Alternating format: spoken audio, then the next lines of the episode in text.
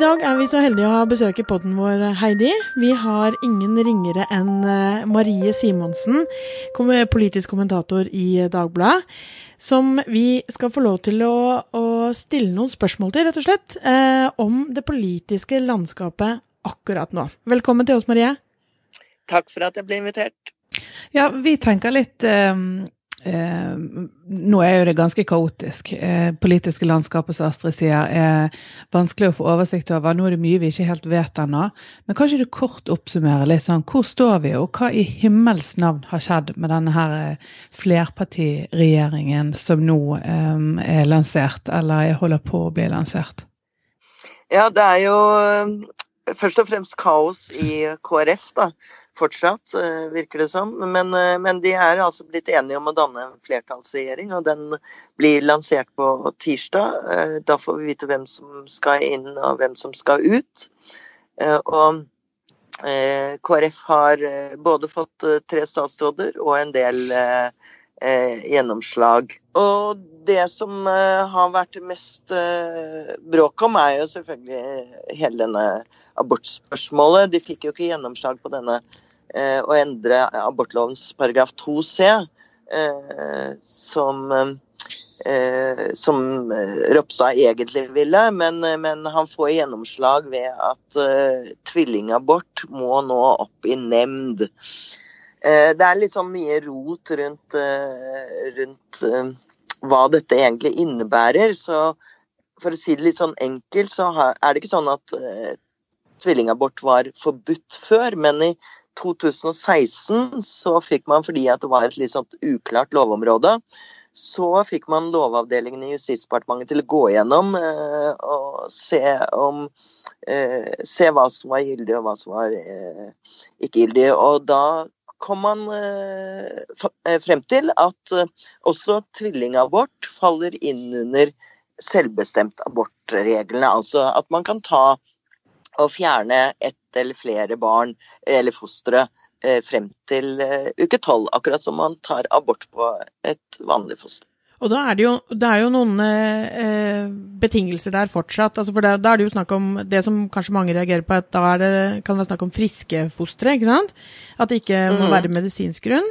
Men det må likevel, det kan ikke være eneggede hvor de da har på en måte deler eh, Nei, og det skyldes jo eh, at det er, eh, det er farlig for, for da, at eh, da kan man risikere å abortere begge, da. Men, men det, at, det at man skal få gjennomslag At KrF har fått gjennomslag for at man nå må opp i nemnd med dette her, er jo liksom at man nok en gang prøver å lage en litt sånn odiøs greie rundt abort. Det er jo ledd i den store abortdebatten. Og det mm. jeg syns, er at folk skal eh, være litt oppmerksom på hva dette er en angrep på. Eh, rent konkret så gjelder jo det veldig få kvinner. Mm. Og jeg, på en måte kan man jo si at det er kjipt å bruke en håndfull ressurssvake kvinner til å, til å, få et gjennomslag som en tung symbolsak. Men det har også implikasjoner i den store debatten om biotekloven og, og den moderne medisin og den teknologiske utviklingen. Og her er jo mener jeg at eh, Erna ved å gi eh, Ropstad og KrF en eh, innrømmelse på dette området, har, gitt, har sørget for at KrF er på offensiven i et veldig betent politisk spørsmål. Så, ja, for det er jo nettopp det dette prinsipielle, sant? Ikke sant. Og, og, det, og, det, og det det handler om, er jo ikke bare når det gjelder dette med tvillingabort, men de har jo også fått vetorett når det gjelder eh, biotek. Og det første de gjorde, var å varsle at det blir ikke noe av eggdonasjon, som det faktisk var eh, flertall for i Stortinget i fjor. Så det... Når du sier det, når du sier vet, at de har fått vetorett, det betyr at de kan altså, uan, altså At det er ikke bestemt eh, ved lov ennå at det ikke blir, men at de de, de, har eh, endelig saying i eh, den saken, eller det som har med bioteknologi å gjøre? Ja, de kan si at vi vil ikke, vi er mot, vi er mot eggdonasjon. Da blir det sånn. Og da er hele Ofte så er det er litt sånn komplisert dette, fordi at ofte så er det jo i sånne verdispørsmål så stiller man representantene fritt. Men siden dette er nå en regjeringsplattform de er blitt enige om, så eh, blir faktisk eh, representantene, vil man tro i hvert fall, eh, tvunget til å stemme i tråd med regjeringsplattformen. Ja, for Foruten det vi faktisk vet nå at de har gått ut med av enighet, så er jo det gjort en del forhandlinger gjennom ukevis nå eh, i detaljer som vi ikke vet ennå. Og det er jo gjerne eh, ytterligere eh, ja, avtaler eller vetoretter da, sant, som mm. innstrammer forskjellige ting som vi mm. kanskje ikke vet om ennå. Sånn at det er, jo, det er jo kanskje derfor òg at mange reagerer veldig på at denne symbolpolitikken det bærer bud om noe som kanskje kommer.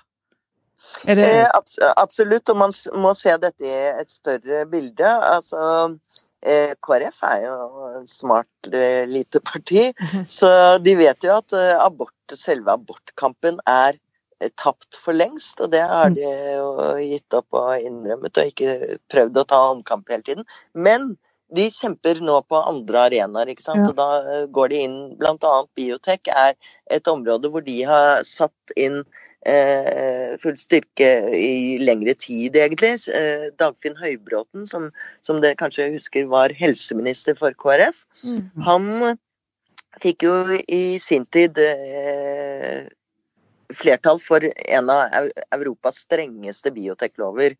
Og, og, den ble da endret ved at SV til slutt måtte snu. Jeg vil faktisk ta litt av æren for det, for jeg kjørte hardt på at SV ikke kunne støtte en sånn, en sånn strammer. Men, men, dette er åpenbart et eh, felt hvor KrF ser at det er mulighet for å, å vinne frem. Ja, og Fremdeles så har jo Norge et av de strengeste lovverkene i Europa. Og nå ble stående som et av de få landene som, som ikke tillater eggdonasjon, ikke sant? Ikke sant. Uh, og det som er rart, eh, selv om de feilaktig opplyste at det var forbudt med tvillingabort i Sverige og Danmark De brukte det som et kronargument, men det er altså tull. Det er lov. Men uh, de vil ikke vise til nabolandene når det gjelder eggdonasjon. Det holder de kjeft om. Uh, for der er jo det selvfølgelig tillatt. Ja, det er jo veldig sånn selektiv valg av hva, hvilke eksempler man skal trekke fram, selvfølgelig, for å styrke sin ja. egen sak det er, det er, sånn det gjerne blir når man kommer i en litt sånn uheldig politisk eh, forandringsposisjon som Høyre og sånn er nå. fordi at ikke sant, Alle har jo etterlyst nå i flere uker og måneder hvor er Høyre-kvinnene hen? Ja. De sitter musestille. Mm. Og vi vet jo at eh, Erna Solberg eh, ikke hadde flertall i eget parti engang for den politikken hun nå inngår med KrF og Ropstad. Så og da blir det ofte litt rar argumentasjon når man egentlig ikke støtter helhjertet opp om det. Mm. Ja, for er ikke det også litt sånn uh, Uansett hvor man står politisk, så har i hvert fall jeg hatt i mange mange år hatt inntrykk av at Erna har vært en veldig sånn for likestilling og for kvinners rettigheter og uh, en sånn type politiker. Absolutt. Sitter... Hun, hun, ledet jo Høyrekvinnene og ja, var, en, uh, var, en, stødig feminist. Men hun har altså tidligere også vært eh, for en restriktiv linje når det gjelder disse spørsmålene. Nei, hun var jo eh, i sin tid for å fjerne eugenisk indikasjon, som er eh, ja, som er knyttet til denne paragraf 2c og det de så odiøst kaller Downs-paragrafen, ikke sant. Mm. og da hun prøvde å få det gjennom på landsmøtet i 2013, så led hun et dundrende nederlag. Det var da Kanskje noen husker at Trude Drevland gikk opp på talerstolen og sa at eh, er dette mitt parti? Jeg kjenner det ikke igjen. Mm. Og sto og hylte. Og, og, mye tyder jo på at eh, Erna Solberg denne gangen heller ikke har et flertall i partiet bak seg, men at man likevel har gått med på det for å få til en historisk firepartisregjering. Og for å gjøre det helt klart, dette er enorm en bragd av Erna Solberg å få til dette her. Det kommer til å ha store konsekvenser i norsk politikk i overskuelig fremtid. Mm. Eh, og hun går inn i historien som en av de liksom lengstsittende og største uh, statsministrene. Så det er klart at mye har stått på spill. Alternativet ville jo vært at hun skulle gått av mm. i høst. Så dette handler om hennes eh, makt og hennes eh, eh statsministerposisjon? Ja, jeg vil jo Jeg vil ikke underslå at eh, Erna har ambisjoner. Det har vel alle toppolitikere. Men, men, jeg tror jo også at hun tenker stort på, på det borgerlige samarbeidet. Og dette har jo vært hennes mål, ambisjon eh, hele veien. At hun skulle ha med både Venstre og KrF inn i regjering, og dermed få til en, en flertallsregjering. Men det ser jo ut som en ganske skjelvende grunnmur, for å si det mildt. Altså det, de snakker jo om dette et, eller et halvt parti, og eh, det, er jo, det, er jo, ganske splittet. Ikke bare KrF, men, men Venstre ser ut til å smuldre litt opp Altså det er mye av de helt grunnleggende eh, verdiene som har lagt i flere av partiene her, som ser ut til å være ganske mye eh, strid og, og, eh, Eller splid om innad i partiene. Da. Så at hun har fått til et, et et flertallssamarbeid, og at det er eh, noe som styrker hennes posisjon som en sånn type landsmoder, det er én ting. Men, men eh, hvordan, hvordan, kan vi forvente oss at, eh, at, det vil se ut, da, la oss si først på kort sikt, de to neste årene? Eh, vi får jo dessverre ikke innsikt i alt som skjer internt, men, men hvordan vil det se ut for folk flest? Uh, nei, det kommer nok til å Jeg tror ikke vi trenger å være redd for at alt kommer til å skje bak lukkede dører, fordi at her er uh, splitten så stor. De er, altså det er ikke spagat, jeg vet ikke hva man skal kalle det. Det er virkelig, det er virkelig mellom Venstre og KrF på den ene siden og Frp på den andre er det et stort juv. Mm. Eh, og der eh, Man kjenner jo til folk på begge sider som er taleføre og liker å gå i krigen. Og, og sikkert ikke vil legge så altfor mye bånd på seg, selv om, selv om, disse partilederne jo har vært flinke. Siv Jensen er jo, har jo vært eh, disiplinert, selvfølgelig, men også klart å få med seg laget. Hun har til og med fått Sylvi Listhaug inn, men det sitter jo noen løse kanoner borti Stortinget der mm. som vi nok vil høre mer fra. Eh, men Frp jo, eh, har jo spilt sine kort veldig godt og kom, hadde kanskje mest grunn ja, etter Erna, da, til å smile etter forhandlingene. Mens eh, KrF og Venstre jo, sliter jo tungt med en del av disse tingene som er vedtatt, bl.a. når det gjelder asylpolitikken. Mm. Så så det er eh, Man kan legge merke til eh, Venstre- og KrF-politikere i sosiale medier for tiden. At de er litt ganske angstbiterske og strever litt med å stå opp for seg selv. Mm. Men hvordan tenker du at dette her kan også påvirke litt på litt lengre sikt, da, når det er så enorm splid både innad i partiene, men også liksom partiene imellom i en sånn flerpartisamarbeid? da? eh, når du tenker på liksom, altså, For KrF f.eks., hvor det da er så ekstremt delt på midten. Eh, vil, hva, hva, tenker du at dette kan bety for KrF som parti? Altså, Jeg har jo sagt litt slemt at uh, det er det samme for meg på hvilken side i politikken KrF dør. Uh, og mange, uh, mange har jo spådd at dette er slutten, vil bety slutten for dem. Og at det eventuelt kan bli en splittelse. Nå ser man akkurat nå er det jo strid om halve partiet, vel, så det vil ikke ha Ropstad som leder osv. Så, men, men, det er jo interessant at uh, vi i Dagbladet tror ikke på mirakler, men det gjør det jo i KrF. Og det kan jo hende at det skjer et uh, mirakel, at det oppstår noe nytt ut av uh, disse ruinene. Og man kan jo f.eks. kanskje forestille seg at KrF at det går til høyre, at det blir mer konservativt, at det er den konservative fløyen som overtar, og at det blir mer, enda mer dominerende. Knut Arild Hareide og Kjell Magne Bondevik dels hadde jo et mer sånn sentrum-liberalt prosjekt. Um, I Sverige har man jo et uh, parti helt til høyre uh, rett ved Sverigedemokraterna nærmest, som heter Kristdemokraterna. Man kan ikke sammenligne det helt med KrF, selv om de er søsterpartier.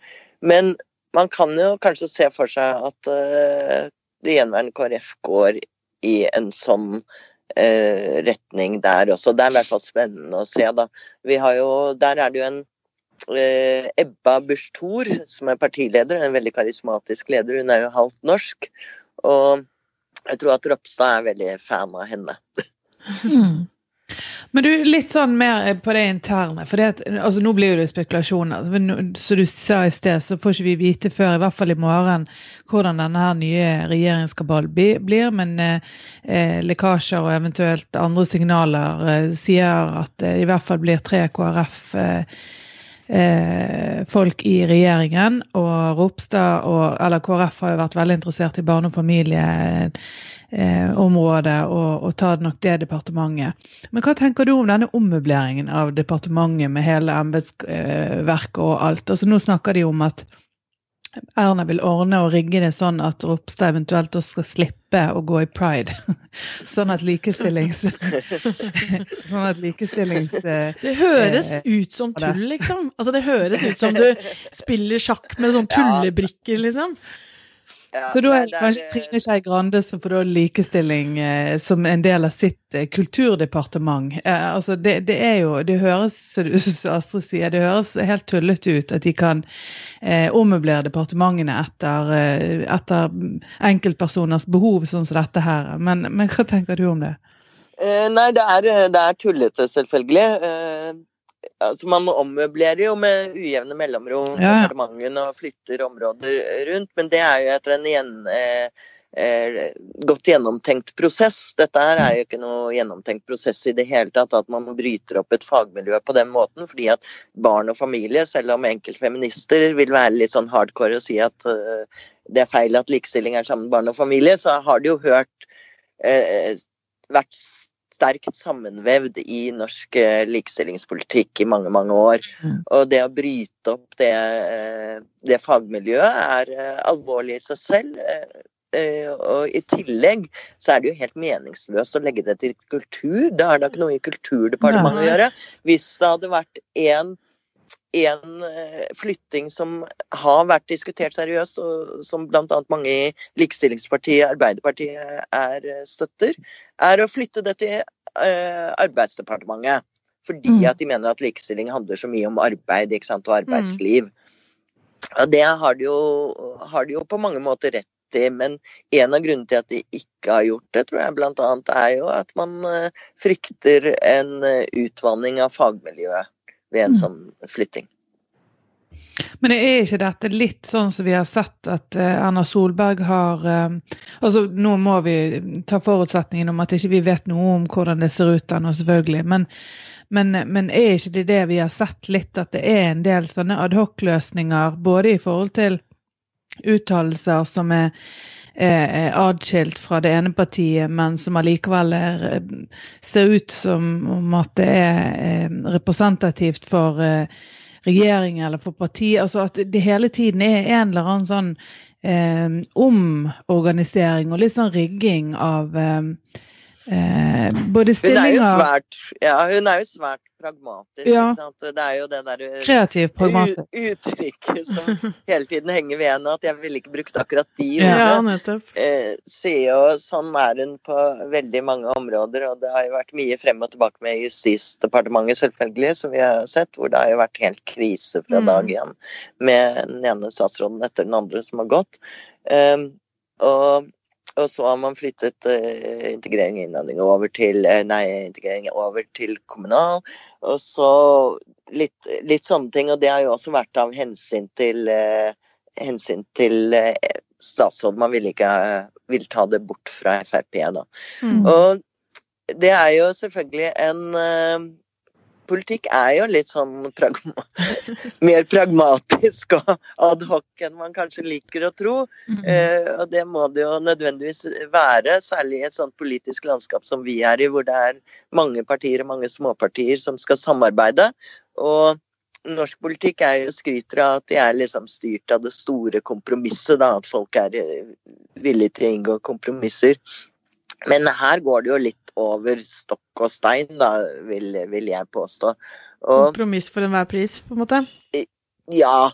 Og så er det jo Det er jo altså en, eh, en, måte, en underlig måte å skjule de reelle konfliktene på, da. Man uh, skjuler jo ikke FrPs uh, ståsted i, i asyl- og integreringsdebatten fordi om Jan Tor Sanner plutselig skal sitte og styre det. Man skjuler ikke KrFs ståsted når det gjelder likestillingsspørsmål ved å flytte det over til Trine Skei Grande. Så de konfliktlinjene ligger jo fremdeles inne i regjeringen, og man er jo Eh, når man er i regjering, så er man jo eh, ansvarlig for hele regjeringspolitikk, ikke bare sitt fagfelt. Men sånn eh, helt avslutningsvis, Marie. Eh, mm. hva, hvis du skulle spekulere litt, tror du de tør satse på eh, Sylvi Listhaug inn i regjeringen?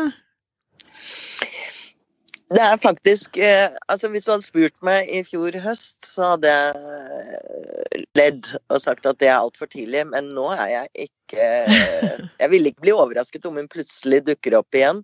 Det er en uh, veldig mobilisering i Frp for å få henne inn igjen. Og hun var jo selvfølgelig veldig populær i deres bakland. Siv Jensen vet at hun er en velgermagnet, eh, selv om hun også er selvfølgelig veldig polariserende. Og, eh, og det er litt sånn, nå er de flertallsregjering, så nå kan de kanskje gjøre hva de vil. men men eh, Sylvi Listhaug har jo, det virker jo som hun også er forberedt på å gjøre en slags eh, comeback eh, der. Fordi hun har jo oppført seg veldig pent og pyntelig den siste tiden. Overraskende pent og pyntelig. Supert. Tusen takk for praten.